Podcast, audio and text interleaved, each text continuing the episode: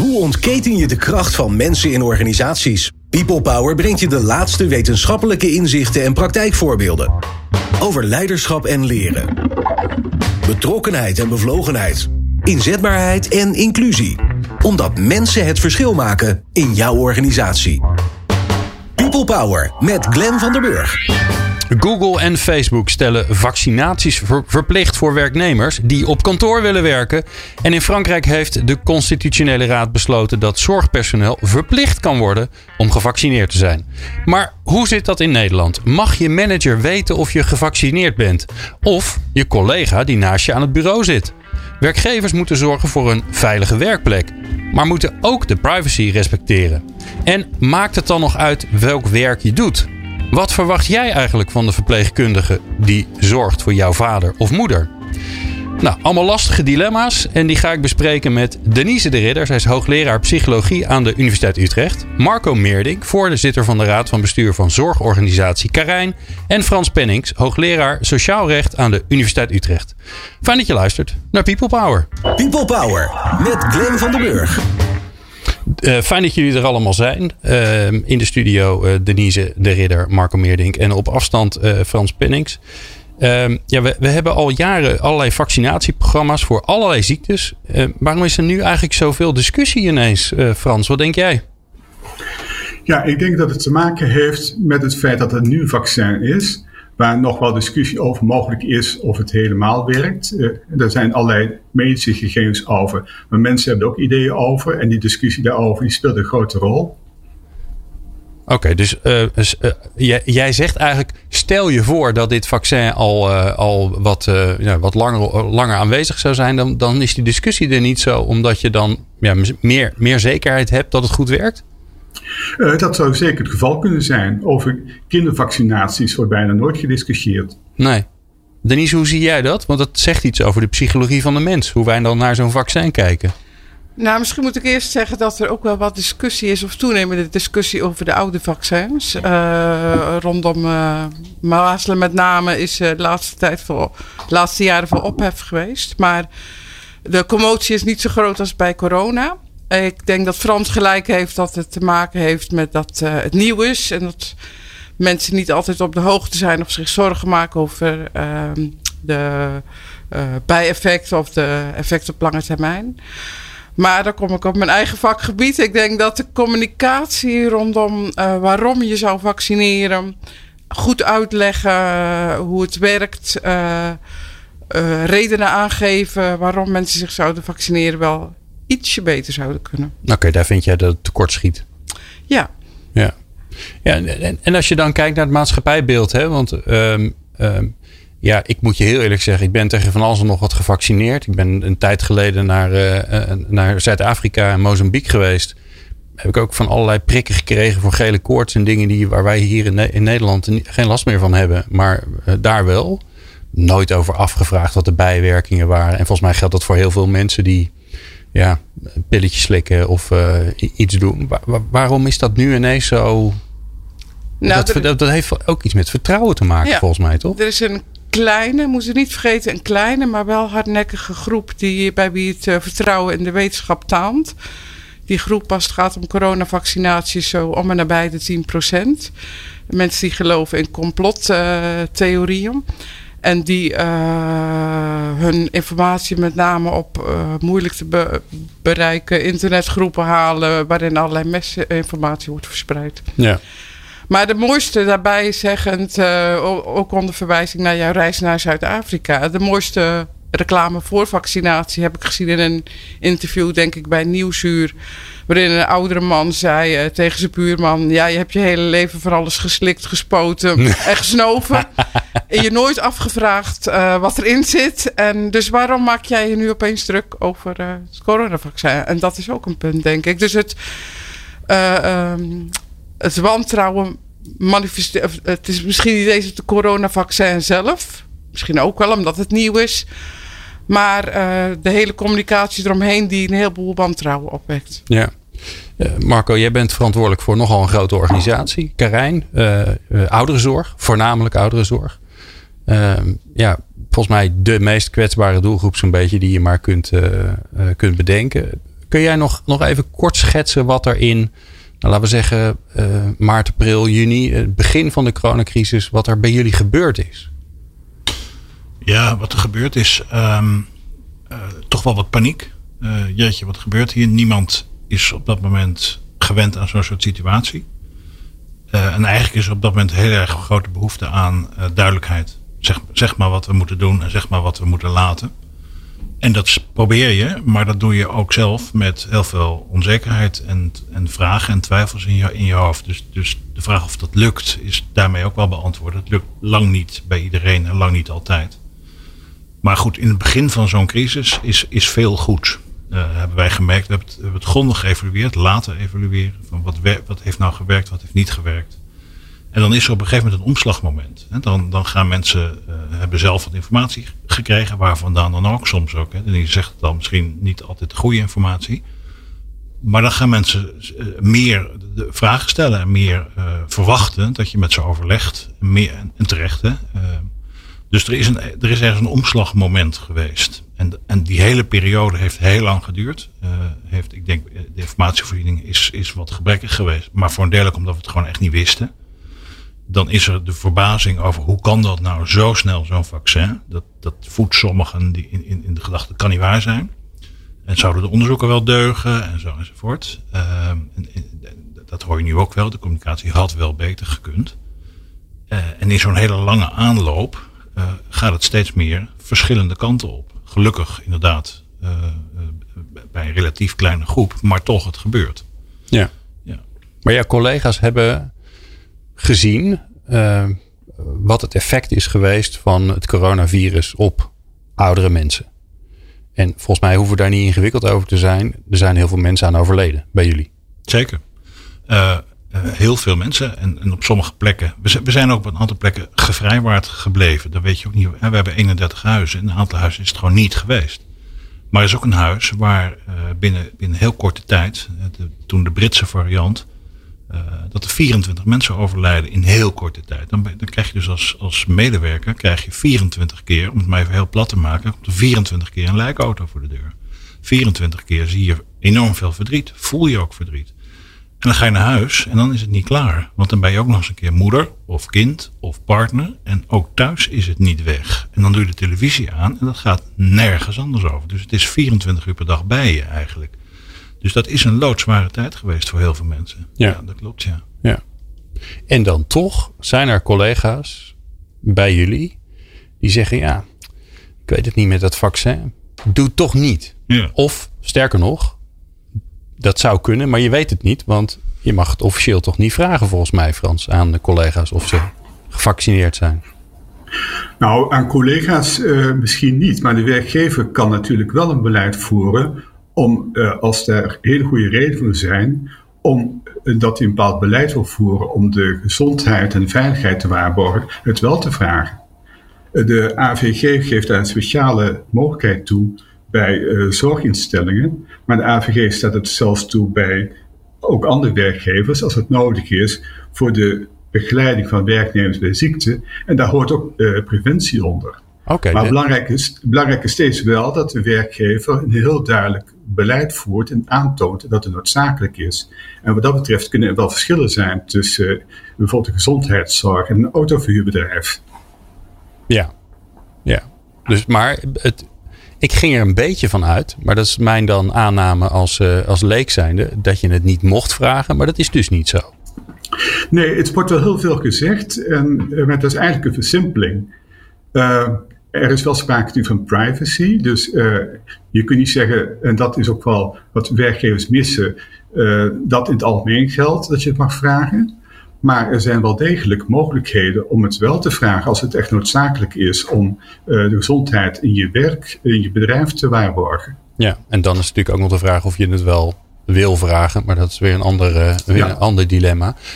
Ja. Want uh, help ons daar eens even in, Frans. Wat, wat mag je nou wel en wat mag je nou niet? Hè? Ik noemde een beetje die, die tweestrijd tussen je, je moet zorgen voor een veilige werkplek. Nou, in Marco's ja. geval ook nog eens een keer voor een veilige omgeving voor, voor de bewoners. Hè? De mensen voor wie iedereen bij hem het werk doet.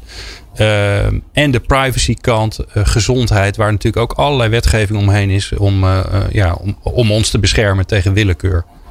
Ja, nou, uh, in ieder geval mag een bedrijfsarts of een andere arts wel die informatie vragen. Uh, alleen die arts mag niet doorgeven aan de werkgever zonder meer welke medische klacht iemand heeft. Maar die kan bijvoorbeeld wel zeggen, uh, deze persoon kan niet ingezet worden op die en die afdeling van het ziekenhuis, omdat daar anders te veel gevaar is voor de patiënten. Dat zou als een eerste stap kunnen zijn. Maar de stap kan ook nog verder zijn dat de werkgever zegt: Ik heb nodig om te weten wie gevaccineerd is, omdat in die en die afdeling het zodanig is dat daar alleen maar mensen mogen werken die gevaccineerd zijn. En daar heb ik goede redenen voor. En dan moet hij dat baseren op gezondheidsgegevens. Ja, volgens mij was Leaseplan de eerste in Nederland die zei: uh, Ik ga het gewoon eisen van al mijn medewerkers. Overigens hoor je dan daarna ook nooit meer wat erover, omdat het dan weer verdwenen is uit de pers. Hè? Dus of het nou doorgezet is of niet, is dan de vraag. Zijn er al rechtszaken gevoerd? Nou, leaseplan lijkt me een beetje een schot voor de boeg. Want uh, kijk, je moet dus als beleid uh, wel voor als werkgever, en je moet als argumenten aanvoeren dat het echt noodzakelijk is voor de gezondheid of de veiligheid of de bedrijfsvoering. En uh, bij leaseplan zou het heel goed kunnen zijn dat er alternatieven zijn. Hè, dat mensen bijvoorbeeld thuis kunnen werken. En dat zal leaseplan heel goed moeten aangeven dat het per se noodzakelijk is dat mensen naar het bedrijf komen en dat dan ook nog de veiligheid van mensen in geding is. En pas dan zou het geoorloofd kunnen zijn. Ja. En dat lijkt me een beetje moeilijk verliesplan. Bij andere ondernemingen zou het wel aan de orde kunnen zijn. Ja. Er is natuurlijk net, uh, volgens mij was dit weekend, of, afgelopen vrijdag volgens mij, want in het weekend zal, uh, zullen er niet zoveel uitspraken van Joe Biden zijn geweest. Maar die heeft natuurlijk met zijn vuist op tafel geslagen. Die heeft gezegd, nou ik ben een hele grote, grote werkgever. Dus ik verplicht gewoon iedereen die, die bij de federale overheid werkt, die verplicht ik om, om zich te laten vaccineren. Wat vinden jullie ervan? Uh, Mark, bij jou even beginnen. Ja, wij, wij hebben anders geredeneerd. Wij hebben um, gezegd, wij vinden de vrije keuze om het wel te doen een groot goed. Los van wat uh, mijn juridische positie daarin is. want ik heb met mensen te maken die ik ongelooflijk hard nodig heb. Die, die we heel, heel, heel hard nodig hebben. En laten we tot op, tot op de grootst mogelijke hoogte proberen om de vrije wil uh, uh, de boventoon laten voeren. Dus te zeggen, vaccinatie is een recht. En ik ga het helemaal voor je regelen, maar het is geen plicht. Uh, we hebben geprobeerd met feitelijke informatie mensen die misschien twijfelden voor te lichten. en, zeggen, en, en, en niet om ze te dwingen, maar wel om te zeggen, nou, zo ligt het volgens ons feitelijk. Dus, dus de, de, het recht van elk mens om zelf richting en betekenis aan zijn leven te geven, om mij heel zwaar te zeggen, dat staat bij ons bovenaan. Dat staat ook in onze missie en visie als het gaat om hoe gaan we met onze cliënten om. Zo lang mogelijk zelf richting en betekenis aan je leven geven. En dan vind ik dat ik dat als werkgever naar mijn mensen ook moet doen. Uh, wij hebben die belofte ook gedaan. Dus wij hebben gezegd, wij gaan, wij gaan je niet dwingen. Dat willen we niet. Dat, dat kunnen we niet. Maar we willen het niet. Dat is het belangrijkste. En we gaan het je ook niet vragen. Als je het wil vertellen of je wilt het in je team delen, hartstikke goed. Als je wilt dat we dat mogelijk maken, faciliteren, gespreksleider erbij misschien in de vorm van geestelijk verzorger die dat goed kunnen vaak. Uh, zullen we het allemaal doen, uh, maar we gaan, we gaan je niet dwingen. En dat zullen wij, wat mij betreft, nooit doen. Nee. Maar aan de andere kant zit natuurlijk ook het, het, het, gewicht van, de, van jullie cliënten en, en de kinderen van de cliënten, de omgeving van de cliënten, de partner van de cliënten die vinden daar ook wat van misschien. Die zeggen misschien, ja hallo, uh, is allemaal leuk en aardig. Mijn moeder is uh, uh, 87, kwetsbaar. Ja, ook daar zie je grote verschillen. Hè? Ja, die zijn er. Er zijn mensen, die, eh, met name bijvoorbeeld in de thuiszorg. Hè? U bent de enige op een dag die bij, bij, bij mij binnenkomt. Dus ik wil u niet zien in het begin van, de, van toen het vaccin nog niet was. Ja. Of u, u draagt beschermende middelen. Toen Nederland nog zei, mondkapje is onzin, hoeft niet. Hè? Die tijd is er geweest. Kunnen we ons nu bijna niet meer voorstellen. Maar die, dat was het begin van de crisis. En dan gaat die wens van een cliënt, die, die is wel razend belangrijk. Maar ik kan veiligheid van een cliënt garanderen als mijn mensen met hele goede beschermingsmiddelen werken. En dat doen wij dan heel veel liever dan zeggen, je moet nu gevaccineerd worden. En dat betekent dus dat iedereen beschermende middelen moet blijven gebruiken. Dat is het nadeel ervan. Hè? Dat ja. hoor je dan ook wel. Van ja, door dat te doen moet iedereen het doen. Uh, en dat is zo. En, en, daarmee voorkom je misschien een heel klein beetje de ongelijkheid. Waar, het net ook even over, uh, waar we net al aan raakten in ieder geval. Ja, dan, dan scheer je iedereen over één kam. En dat is ook aan de andere kant weer niet zo gek, want we moeten ook niet vergeten: iemand die volledig gevaccineerd is, kan nog steeds besmet raken en kan het ook nog steeds overbrengen. Ja. En daar hebben wij ook al voorbeelden van Ja. gezien. Denise, wa- wa- wat doet zo'n eh, wat doet zo'n dwang vanuit de, in dit geval de Amerikaanse overheid met, eh, met ons als mens? Want ja, je, je perkt volgens mij een, eh, mijn, mijn handelingsvrijheid in. Is dat nou verstandig of niet? In zijn algemeenheid zou ik zeggen dat dwang, eh, tenzij er een absoluut eh, groot gevaar is, eh, niet te verkiezen is. Omdat je ziet, mensen reageren meer op de dwang dan op de boodschap. Dus ik wil wel vaccineren, maar niet omdat jij het zegt. Die variant. An- maar je ziet dat in die discussie wordt vaak nogal zwart-wit gedacht. Tegenover dwang staat vrije keuze. En misschien is dat niet helemaal verstandig, omdat daartussen ook nog een heleboel andere dingen zitten. Ik denk dat vaccinatie, nou, een werkgever mag er, hoor ik nu van Frans, eh, wel naar vragen, maar eh, onder collega's doe je het niet. Op de universiteit vraag je er niet naar. En het onderwerp wordt, of eh, in families kan het uit elkaar scheuren, maar zeg maar mensen die je niet zo goed kent, stel je het niet ter sprake. Het onderwerp wordt doodgezwegen. En ik denk dat er misschien wel, dat we wel iets meer op de agenda zouden mogen zetten. Dat we er eigenlijk gewoon normaal over moeten kunnen praten. Ja, en dat- zou je drank kunnen noemen, of nutjes, of kleine zetjes. Ik denk iets meer eh, als werkgever of als collega, maar misschien vooral als werkgever, dat je laat zien. Wij geloven in wetenschappelijke inzichten. Dus wat ons betreft, wij gaan er eigenlijk vanuit dat je gevaccineerd bent. Dat je in ieder geval een eh, beroep doet. En ook waarom je het doet. Niet alleen voor jezelf. Want inderdaad, het individuele risico is zeker voor jonge mensen vrij klein. Maar je doet het voor, als met z'n allen, 1000, 2000, 3000 mensen in een bedrijf. Of zoals de universiteit, 20.000 studenten en nog eens en medewerkers. Die eh, allemaal dicht bij elkaar zijn. We doen het voor ons allemaal. Want het gevaar dat er weer een nieuwe uitbraak komt. En we afsteven op de zoveelste lockdown of op eh, beperkende maatregelen. Denk ik dat je wel heel duidelijk mag laten zien: vaccinatie is één manier om, ik geloof dat Joe Biden dat ook zei, een belangrijke manier om uit deze crisis te komen. En het, het dus agenderen en ter discussie stellen. En wat ik ook wel zelf een interessant vind, ehm, je zou als je dan mensen het gevoel van autonomie wil geven, want daar ben ik helemaal mee eens, je moet een beetje zeggenschap geven. Laat een team of een club of een werkgroep mensen zelf bedenken. Hoe kunnen wij veilig met elkaar eh, verkeren? En als jij eh, niet gevaccineerd bent, moet je misschien een mondkapje dragen of beter letten op de afstandsregel, wat dan ook. Ja. Dat was wel grappig, want jij kwam net de studio binnen en eh, volgens mij, het was niet, eerst zei je nog hallo, dat wel. en toen zei je tegen mij, ik weet niet of je dat deed om mij een beetje te sarren, maar jij zei gelijk, ben je eigenlijk gevaccineerd? En ik zei, ja, ik ben eh, twee keer geprikt en ik heb het ook al gehad. Dus nou ja, als, ik, als, als iemand beschermd is, dan ben ik het ondertussen wel. Maar, ik zei het eh, een beetje om te sarren, maar ook, eh, ik, ik vraag het eigenlijk bijna nooit. Ik durf het ook niet zo goed te vragen. het was een Tenzij compliment dat je het mij durfde eh, te vragen. Ja, ja, tenzij, eh, nou ja, we hebben het, dit is vandaag het thema, dus dat geeft Ja. de context. Ja. Maar ik ben ook eh, terughoudend eh, aan mensen met die ik verkeer, eh, als ik ze niet goed ken, om, om het onderwerp ter discussie te stellen. Dat klopt. Ja, je voelt toch een soort schroom daarin. Ja. Ja, gek dat het zo beladen is. Hè?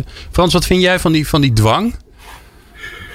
Ja, ik ben het ermee eens dat het dwang helemaal niet de beste methode is. En dat, eh, er kan ook niet echt sprake zijn van dwang, denk ik. Maar er kan wel sprake zijn van beleid met als effect, eh, met als effect dat het eh, zo gevoeld wordt. En dat zal zeker niet altijd heel goed werken. Dus een andere manier en communicatie is vaak veel en veel beter om voor elkaar te krijgen. Ja. Maar, maar soms kan het niet anders, eh, zou je kunnen volhouden. Soms zijn mensen zo eh, kwetsbaar eh, dat je daar niet anderen bij laat zonder dat ze gevaccineerd zijn. Ja. In andere situaties zijn er veel alternatieven denkbaar. En dan is het een heel goed idee om ook met personeel te bespreken hoe men veiligheid voor elkaar kan krijgen. ja. Marco, wat wil je eraan toevoegen? Nou, misschien eh, als reactie. Ik, ik heb niet willen zeggen, als het zo is overgekomen, dat het volledig vrij, eh, zie maar. Hè? Is, ik ben heel erg met dienst eens. Je moet wel proberen om duidelijk te maken dat je het heel belangrijk vindt. En waarom je het heel belangrijk vindt. En je moet zorgen dat mensen de informatie hebben, zoveel mogelijk, op grond waarvan zij zelf uh, een beslissing kunnen nemen. Maar zeg maar stimulerend zijn we wel, wel degelijk geweest in, in, in veel vormen. En ik denk dat dat wel je plicht als, werk, als, als goed werkgever ook is. Want het is ook beschermend voor de hele grote groep die wel gevaccineerd is. heeft daarmee een belangrijke stap voor zichzelf, maar ook voor de omgeving gezet. Alleen het is niet de beslissende stap. En dat is bijvoorbeeld het verschil met hepatitis. In op een aantal plekken in de zorg is een hepatitis uh, is verplicht. Nou, daar praat niemand over, want die is volledig beschermend. Punt uit. En dan krijg je het dus niet. Dat is bij corona, uh, COVID, helaas niet zo. Dus het ligt allemaal net een beetje anders dan in heel veel situaties die we al kennen. Ja. Uh, we praten zo verder uh, en dan gaan we eens even kijken of we jou kunnen helpen als luisteraar, als je hier zelf mee worstelt, wat je kunt doen. En dat hoor je zo. Hoe ontketen je de kracht van mensen in organisaties? People Power. People Power. Nou, je zal er maar mee worstelen. Uh, je wil een veilige werkplek uh, voor jezelf, voor je, voor je gasten als je in de horeca zit, voor, uh, voor je bewoners als je in, in, in een verpleeghuiszorg zit. nou ja, ah, je, gasten in de, in, de, in de bus of in de auto. Ja, kun je het dan wel over vaccinatie hebben? Uh, hoe doe je dat dan? Uh, uh, wat doe je dan als iemand echt niet wil? in je in, in, er is daarmee gevaar. Kortom, allemaal vragen. Wij gaan eens kijken of we ze voor je, voor je kunnen oplossen. een van de dingen die we natuurlijk al concreet hebben gedaan is... je kunt het gesprek aangaan met collega's als leidinggevende of als HR-verantwoordelijke over vaccinaties. Maar dan moet je er wel een hele goede reden voor hebben. Vat ik dat een beetje goed samen zo, Frans? ja, dat klopt. Dus, dus het is eigenlijk nee, uh, uh, nee tenzij en niet ja, ja mits. dat is zeker nu het geval. Ik vraag me eigenlijk wel af wat er nu gaat gebeuren nu de regering verplicht wil stellen dat je je corona-app toont als je naar de bioscoop gaat of naar de restaurants en dergelijke. Dat wordt dus algemeen ingezet en daarbij wordt eigenlijk geen medische informatie verstrekt, want die app toont alleen dat je groen kleurt of niet. En daar kunnen verschillende redenen voor zijn dat je het krijgt. Het kan zijn dat je oh. getest bent, of dat je gevaccineerd bent, of dat je genezen bent. Ja. En dan, ja, dan is de vraag in hoeverre nog medische informatie wordt gevraagd uh, als je dat moet tonen. En of dat ook niet een uitstraling kan gaan hebben voor de werkgever. Maar dat is nog een heel nieuw terrein. Dat is eigenlijk mm. helemaal geen uh, informatie over. En omdat het eigenlijk een hele nieuwe uh, aanpak is, die we natuurlijk helemaal niet zien bij andere vaccinaties, weten we ook helemaal niet uh, wat de grenzen hierbij zijn. Oké, okay, dus de, de eerste werkgever die gaat zeggen, uh, ja, we vragen helemaal niet om informatie. We, vragen, we kijken gewoon of je groen of rood bent. En als je groen bent, ben je welkom. En als je rood bent, niet. Dus we willen eigenlijk alleen maar weten of het veilig is dat je hier komt werken. en daarmee voldoen we aan de wet. En de, het, is, het, is, het is de vraag wanneer de eerste werkgever dat gaat doen. En wanneer de eerste werknemer daar tegen in, in beroep gaat. Want dan, dan kunnen we een beetje jurisprudentie veroorzaken. Ja, dan lijkt me wel dat de werkgever een goed verhaal moet hebben waarom hij dat nodig vindt. Alsnog, ja. Ja. Oké. Nou, laten we eens even kijken of we een paar uh, uh, zaken kunnen oplossen. Um, Marco, voor jou geldt natuurlijk hoe hoger die vaccinatiegraad, hoe beter iedereen beveiligd is. Um, wat, wat, je noemde al, we hebben al van alles en nog wat gedaan om, om te zorgen dat er goede informatie is. Noem eens een voorbeeld van iets wat jullie gedaan hebben om te zorgen dat, dat iedereen snapt wat het belang is. Ja, we hebben het in, in eigenlijk in heel veel teksten uh, opgenomen. We hebben filmpjes gemaakt. Uh, we hebben een webinar georganiseerd voor, voor onze eigen mensen, waarin uh, verschillende deskundigheden, verschillende brillen om naar het probleem te kijken. Dus niet alleen een dokter, om dat maar even te zeggen, maar, maar ook een, een geestelijk verzorger, dus die, wat meer de ethische kant belichten. Dus, dus een veelheid van dat soort dingen. We hebben, en, en, en vind ik wel interessant, hè? want ik denk door erin te duiken hoe dat er dan uitzag, wat voor dokter nodig je dan uit om dat te vertellen? In dit geval uh, een van onze eigen specialisten oudergeneeskunde. Oké, okay, dus dat is gewoon een collega eigenlijk. Collega, ja. waar we van tevoren, waar we van tevoren hebben gezegd, deze webinar heeft wat ons betreft als doel om zoveel mogelijk feitelijke informatie te delen. Het doel is niet om je over de brug te slepen. Ja, we vinden het heel belangrijk dat het zo veilig mogelijk is. En daar helpt vaccineren bij. Maar boven die ja nog, het is uiteindelijk je eigen beslissing. Oké. Maar een veelheid van dat soort dingen. En daar zijn we niet de enige in. Dat heeft, heeft de branche gedaan. Er zijn, er zijn heel veel van dat, dit soort voorbeelden. Ja. Heb je nou enig idee over hoeveel mensen je dan praat in de organisatie die nog niet gevaccineerd zijn? Uh, een, een, alleen maar een idee, inderdaad. Ja. Uh, en dat, dat wisselt enorm per plek. Hè. Dus in ons geval, uh, bij ons werken 6000 mensen. Nogal ver, verspreid over een groot deel van Nederland. Dus ik heb er niet zoveel aan om een heel algemeen cijfer te, te hebben. Ja. Dus ik zou, als ik, als ik echt zinvolle informatie zou willen hebben, zou ik het bijna per team moeten weten. Nou, dat weten we niet. Behalve als die teams het met elkaar besproken hebben. Er zijn er best die dat gedaan hebben.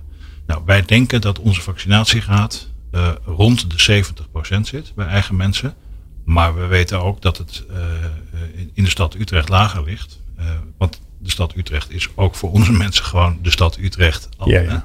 Omdat er überhaupt te gaan een vaccinatiegraad ja, daar lager. Ja. En in de buurt van Rotterdam en niet zuid van Rotterdam, waar we ook zitten, is, ligt, de, ligt de vaccinatiegraad ook duidelijk lager. Overigens misschien wel goed om te zeggen, uh, mensen die zich niet laten vaccineren, dat zijn voor een deel mensen die, die we straks al even raakten. Die, die misschien uit de veelheid van informatie nou net de verkeerde informatie halen. Maar er zijn natuurlijk ook mensen waar geloof en geloofsovertuiging een rol speelt. Ja. Er zijn bij ons in de zorg, waar heel veel vrouwen werken en ook veel jongere vrouwen, zijn best veel jongere vrouwen die zeggen: ja, ik weet niet wat het effect zal zijn op mijn vruchtbaarheid, dus ik doe het niet.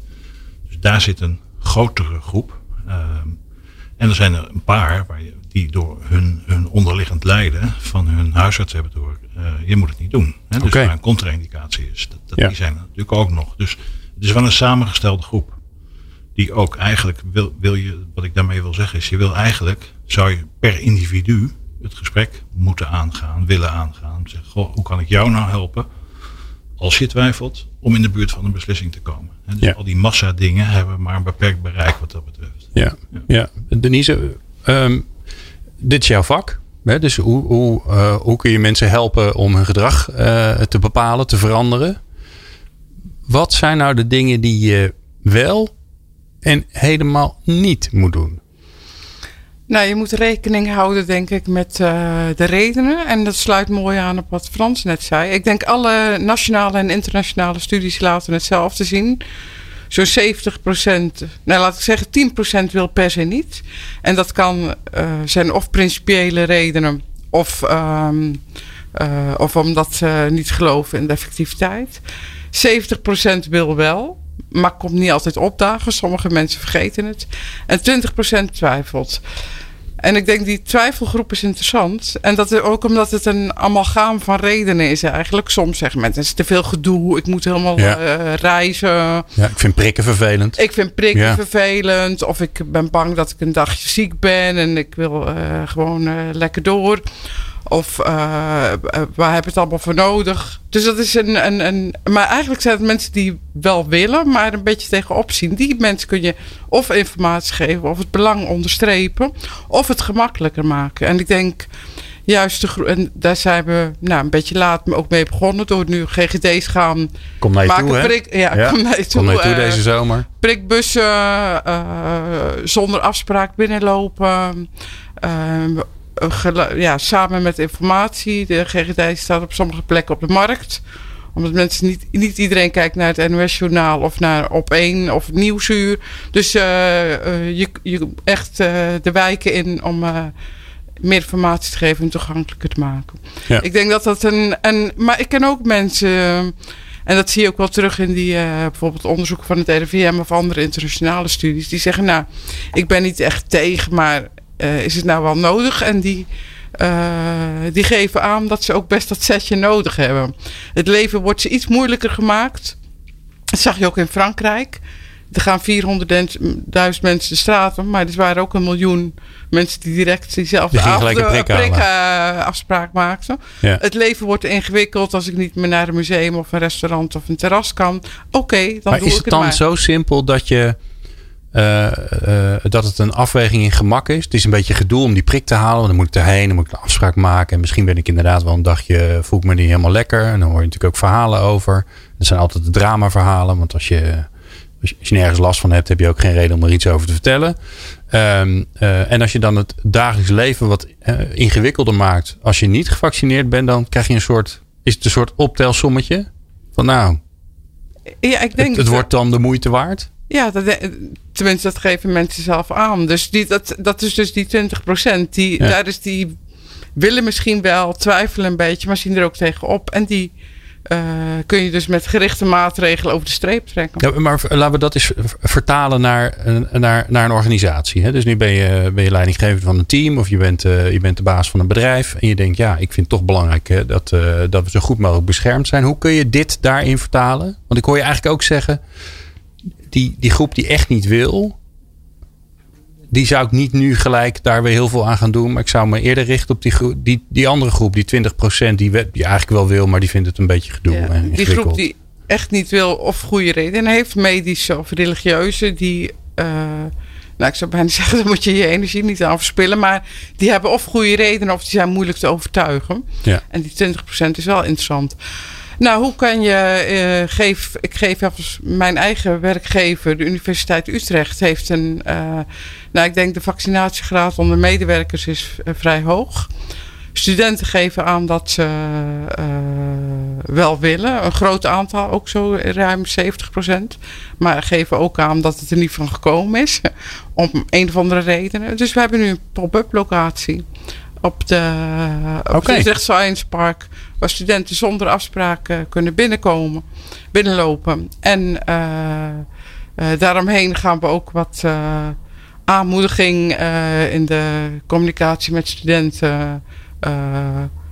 door te benadrukken dat er al veel studenten geprikt zijn. Ja, want dit is een goede, hè? Want dit, die aanmoediging, daar loopt een hele dunne lijn tussen irritant zijn en denken, ja, nou doe ik het zeker niet, want ik was al een beetje recalcitrant en ik ben het nu alleen maar erger geworden. En dat je juist daar een beetje doorheen geholpen wordt. Eh, help ons daar eens met een, met een psychologisch inzicht dat je zegt, nou, daarom, dat werkt dus goed. Nou, ik ga eerst beginnen met wat de meeste mensen naar uh, uh, direct naar verwijzen, maar wat dus niet helpt, zijn beloningen. Er is net een hele financiële beloningen ik geloof dat je in Amerika kon je een auto winnen of een miljoen loterij, uh, kleine bedragen. Er is net een grote studie uh, verschenen. Helpt niet. Dus beloningen, uh, daar zijn mensen niet zo gevoelig voor. Of dat, wat wel helpt, is zeg maar een norm uitdragen. Zoveel, en een norm die ook reëel is. Je, je kan niet zeggen dat 70% gevaccineerd is, als het maar 50%. Maar je kan wel onder de aandacht brengen dat veel mensen gevaccineerd zijn. Of zich in ieder geval willen laten vaccineren. Daar zijn we heel gevoelig voor. Want, want we willen niet afwijken? Zit dat dan, dan achter? Het is ook een soort. Uh, uh, bewijs dat het goed is. Nee, je wil niet afwijken, maar als veel mensen het doen, dan zal het wel oké okay zijn. Ja, ja, oké. Dus, uh, Voelt gaat, ook veilig. Dan. Ja, er gaat iets vanuit dat als iedereen het doet, nou, je, moet niet, uh, je moet niet altijd doen wat iedereen doet. Maar in dit geval, het is toch een soort idee. Nou, het is een breed gedragen norm en daar wil ik niet te veel van afwijken. Een beroep op empathie. Uh, dus we doen dit voor ons allemaal. We hebben vorig jaar een studie gedaan naar afstand houden. En ook aan mensen gevraagd. En, uh, maar heel weinig mensen zeiden, ik geloof 10%, ik doe dit voor mezelf omdat ik weer feestjes kan houden. Bijna iedereen verwees naar opa's, oma's, uh, de universiteit, zodat we weer op, op locatie les kunnen geven. Hmm. Dus laten zien, als je dit doet, dan draag je eraan bij dat we weer, nou ik durf het bijna niet zeg maar, naar het oude normaal terug kunnen en uh, weer samen dingen kunnen doen. Ja. Dus dat, uh, dat helpt heel goed. En, en daar zijn de meningen een beetje over verdeeld. Je zou ook nog een beetje, als je het iets prominenter wil aanzetten, zou kunnen dreigen. Kijk, als heel veel mensen niet gevaccineerd zijn, is het risico groot dat er een nieuwe, een nieuwe variant komt. De epsilon, epsilon, gamma. Ja. Gaat het hele alfabet maar af. En uh, dus het is belangrijk dat we nu ook ons voorbereiden. En dat het niet erger wordt of dat we terug moeten naar een uh, lockdown. Ja. Ja, en dat krijg je. Het gevaar is ook weer een beetje dat je dan een soort vingerwijzen krijgt. Hè, van dat komt door mensen die niet gevaccineerd zijn of zo. Dat is natuurlijk ook weer het gevaar. Hè, dat je een soort tweespalt krijgt. Ja, daar wordt nu heel veel over gesproken, over die tweespalt. En natuurlijk is het heel belangrijk om niet veel vingerwijzen te doen. Maar uh, als je, er is net ook een interessante studie verschenen van het RIVM en de Erasmus Universiteit. Scenario's over uh, hoe moeten we ons voorbereiden op de toekomst als het gaat om coronamaatregelen.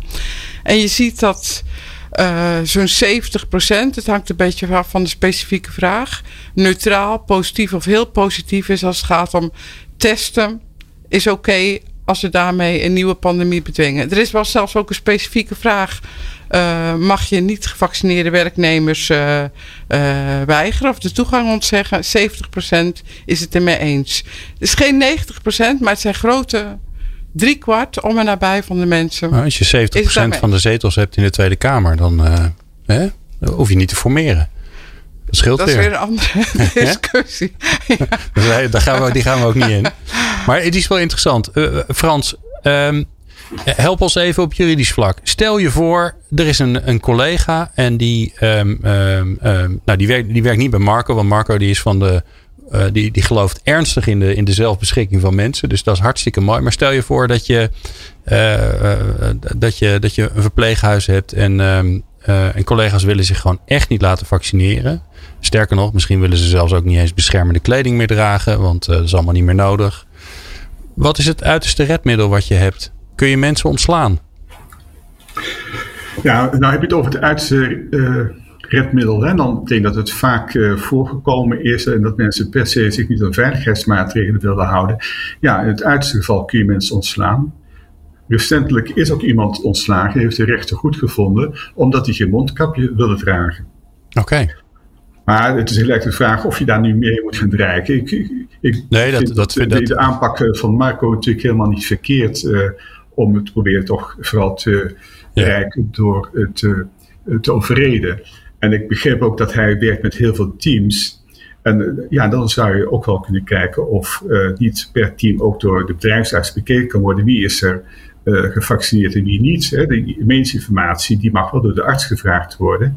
En dan zou je op die manier al kunnen inventariseren welke teams zijn helemaal veilig, is er niks aan de hand. En bij welke moet wat gebeuren. Hè? Dat zou een hele goede aanpak kunnen zijn. Oké, okay, dus, dus die, die indeling per team, dat, dat, die data, die zou Marco op zich kunnen verkrijgen door de bedrijfsarts daarvoor in te zetten. Ja. ja. Zou je dat willen, Marco? Nee. Want uh, ik heb me echt afgevraagd, want de discussie speelt natuurlijk nu. Uh, het OMT heeft gezegd, je zou als werkgever moeten weten wie wel en niet, wie niet gevaccineerd is. Op individueel niveau, maar in ieder geval op teamniveau. Uh, mijn brancheorganisatie Actis heeft zich daarbij aangesloten. En ik heb me afgevraagd, waar helpt het mij dan vervolgens? En mijn conclusie is, het helpt mij niet. Want de suggestie die net misschien per ongeluk kwam, maar ook even in het antwoord van Frans zat, is dat die mensen dan wel gevaccineerd, dat het veilig is. Dat is niet zo, dat weten we inmiddels al. Maar belangrijker dan dat, ik zou die hele groep mensen waar jij het net over had kunnen ontslaan, maar dan heb ik niemand meer. En dan moet ik het huis sluiten en tegen die mensen die ik nu gelukkig nog kan verzorgen zeggen, sorry, maar er is niemand meer. Wat ik wel moet doen, vind ik, ik moet zorgen dat het veilig is. En mensen die bij ons wonen moeten dat weten en moeten daarop kunnen vertrouwen. En dat betekent, helaas, daar hadden we in het begin ook al even over, dat dat, dat misschien betekent dat ik mensen vraag zich ook te beschermen, beschermende uh, middelen te, te, te, dragen, maatregelen uh, in acht te nemen, die die veiligheid garanderen. Want dat moet ik wel tegen mijn bewoners en tegen hun familie kunnen zeggen. Het is veilig. Ja. En dat zal ik wel altijd willen. Maar zonder dat daar de dwang of iets bij hoort. Ja. En dat zou kunnen betekenen dat in een team iedereen een mondkapje draagt. Terwijl je, uh, als je de, de, de, de stelling uh, aanhangt dat het niet nodig is als je, als je volledig gevaccineerd bent. Ja, dan, dan lopen de mensen die volledig gevaccineerd zijn toch met een mondkapje. Ja. Waar ik straks uh, mee af wil sluiten met jullie is um, om even naar de toekomst te kijken. Van ja, wat, uh, wat zit er aan te komen en uh, wat moeten we daar dan mee als werkgevers op dit soort uh, dilemma's? En dat hoor je zo. Leiderschap, leren, inzetbaarheid en inclusie. De laatste inzichten hoor je in People Power. Ja, we, we, we, hopelijk hebben we jullie al een beetje geholpen bij dit ingewikkelde dilemma. ik wil eigenlijk afsluiten door, door even naar de, naar de toekomst te kijken. Want ja, je hoort het iedereen zeggen, dit gaat niet weg. Uh, sterker nog, uh, misschien uh, komt er wel weer wat anders. Ehm, dus ja, moeten we met, met elkaar, Denise, ook gewoon niet wennen aan het feit dat we, dat we ineens weer, ook al ben je gezond, ziek kan worden. Ook al ben je, kom je er nu achter omdat je, net zoals ik, wat te zwaar bent, dat je daar mee op moet passen. Want dan komt er ineens een virus en dan blijkt het ineens korte termijn een probleem te zijn in plaats van op lange, lange termijn. Um, heeft, heeft dat ook gewoon geen invloed op ons, waardoor we, waardoor we het even niet meer weten met z'n allen? Nou, heel in het algemeen klopt het inderdaad dat uh, ziek, ziekte en dood, dat we het een beetje naar de uithoeken van ons leven hebben verbannen en er liefst niet te veel mee te maken hebben. Maar deze pandemie heeft heel concreet gemaakt dat er virussen op de loer liggen en de virologen. Die er verstand van hebben, zal ik maar zeggen. Die denken dat dit nog niet over is. En er zijn allerlei initiatieven om zoals het mooi in het Engels heet, pandemic preparedness op te tuigen. Dat we nog wel een aantal jaren voorzichtiger moeten zijn. Of zowel in termen van preventie, met reizen, dier-menscontact. Maar ook, ook zeg maar op gedragsniveau. Dus dat je iets voorzichtiger moet zijn. En ja, ik denk dat het er een keuze is als we alles loslaten en geen enkele maatregel meer handhaven. Ja, dan is de kans dat we dat er weer een nieuwe uitbraak komt en een uh, lockdown. Dus dan wordt het een beetje hol of stilstaan, wat de uh, overheid wel eens ver, uh, ver, verweten wordt. Ja. Of we moeten wat langer voorzichtiger aandoen en een aantal maatregelen, variërend van vaccinatie tot mondkapjes tot afstand houden, handhaven. Ja, want dat is natuurlijk wel interessant. Hè? Wij moesten niet iets wat zo diep in ons gedrag zat als de hand geven. Hè? Dat gaat gewoon om automatisch. En ik merk het nog steeds als mensen hier in de studio komen die, die niet zo heel veel, zakelijk gezien, niet zo heel veel mensen hebben gezien. Die komen nog steeds van: oké, ik weet niet zo goed wat ik met mijn lijf aan moet. Um, gaat die hand dan weer terugkomen? Ik, ik vind of is hij gewoon als, weg? Als, als psycholoog, zeg maar, was dit een uh, waanzinnig gedrags, gedragsexperiment. Want gedragsverandering is moeilijk. Hè? Afvallen, andere vervelende gewoontes uh, uh, doorbreken, dat lukt ons nooit. En opeens binnen een jaar, minder dan een jaar, gaven mensen geen hand meer en droegen mondkapjes nadat de eerste aarzeling weg was. Dus we kunnen het kennelijk wel, het overgrote deel. Komt de handgever terug? Um, ik, dat durf ik niet goed te speculeren. Maar ik denk dat het. Ik zou er zelf niet zoveel moeite mee hebben maar maar even. Uh, niet dat ik nu de dingen ben, maar uh, je kunt andere vormen van begroeten ontwikkelen. Ik vind zelf de elleboogstoot vrij agressief. Ja. Bijna horkerig Nederland. Maar je ja. kan, en wat interessant je kan aan ook de, de hand op je schouder leggen. Interessant van de elleboogstoot is dat. Ja, ik weet niet wie er een elleboog heeft van 75 centimeter lang. Maar dat is toch best een end. Hè? Dan moet je toch je best doen. Dan moet je toch echt, moet je echt allebei gestrekte ellebogen inkomen. Bij het voetbal is het verboden. Nee, maar ik denk dat best wat. Uh, misschien moeten we ook niet. Kan niet alles terug naar normaal. Moeten begroetingsvormen of hoe we met hygiëne omgaan. Handhygiëne is al jaren een issue. Uh, de, de reden van uh, niet zulke ernstige ziektes als COVID, maar van andere uitbraken. Misschien moeten we een aantal gewoontes aanpassen om uh, ja. wat veiliger door het maar dat, maar dat zullen we dan toch met ons met, met elkaar moeten gaan regelen. De, de, ik kan me niet voorstellen dat Rutte een decreet gaat uitvaardigen dat, uh, dat er een nieuwe goed is. Of uh, dat, dat wordt dan weer onderdeel van onze cultuur waarschijnlijk. Nee, nee, de overheid kan het zeker niet bepalen. Maar ik denk de overheid kan wel een duidelijke norm stellen dat het belangrijk is. En vooral moet het er nieuwe. Bij het RIVM is ook een zijn mensen die creatieve oplossingen hebben in bepaalde bedrijven, de filmindustrie, verpleegtehuizen, uitvaartondernemers.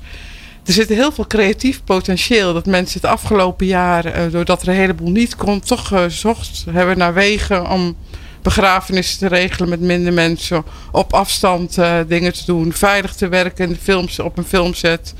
Er zijn, dus ik denk dat creatieve potentieel kan veel meer naar voren gehaald worden. We hebben die helden in de zorg gehad vorig jaar. Nou, Ja. laten we nu ook maar eens helden in de andere vormen van werkgevers en andere industrieën aan het woord laten. En laten zien hoe mensen met beperkte middelen toch creatieve oplossingen kunnen vinden om hun werk te blijven doen. Mooi, dankjewel. Uh, Frans, um, eenvoudige, uh, eenvoudige vraag met een kort antwoord. Um, hebben we nog op juridisch gebied uh, extra, iets extra's nodig? Moet er nieuwe wetgeving komen om ons te helpen? Nou, uh, daar wordt al over gesproken of in de AVG niet nog duidelijk moet worden vastgelegd wanneer de werkgever al of niet informatie kan opvragen over de vaccinatie. En daar is bij sommige werkgevers wel behoefte aan, dus dat zou een manier kunnen zijn. Ja, oké. Nou, dat, is lekker duidelijk. Uh, Marco, um, misschien toch wel even nog omdat we toch van de, van de mogelijkheid gebruik kunnen maken. De, zorg is, uh, daar heeft iedereen het over. Er wordt keihard gewerkt. Uh, er zijn te weinig mensen. Nou, er wordt wat aan gedaan omdat mijn dochter nu verpleegkunde aan het studeren is. Dus ik zal alvast een kaartje geven aan je. Uh, ze, is wel, ze, is welkom. Ja, dat dacht ik al. Ze moet nog even een paar jaar. Maar um, wij willen ook geen. Uh, we willen natuurlijk sowieso willen we helemaal geen, uh, geen coronagolf meer. Maar, maar ook niet meer omdat we dat in de zorg gewoon echt niet meer aan kunnen, toch? Nee, precies wat je zegt. Want mijn grootste zorg is niet dat de volgende golf onze bewoners weer heel hard zal raken. Want we weten inmiddels beter op het gebied van veiligheid wat ons te doen staat. Maar belangrijker dan dat misschien.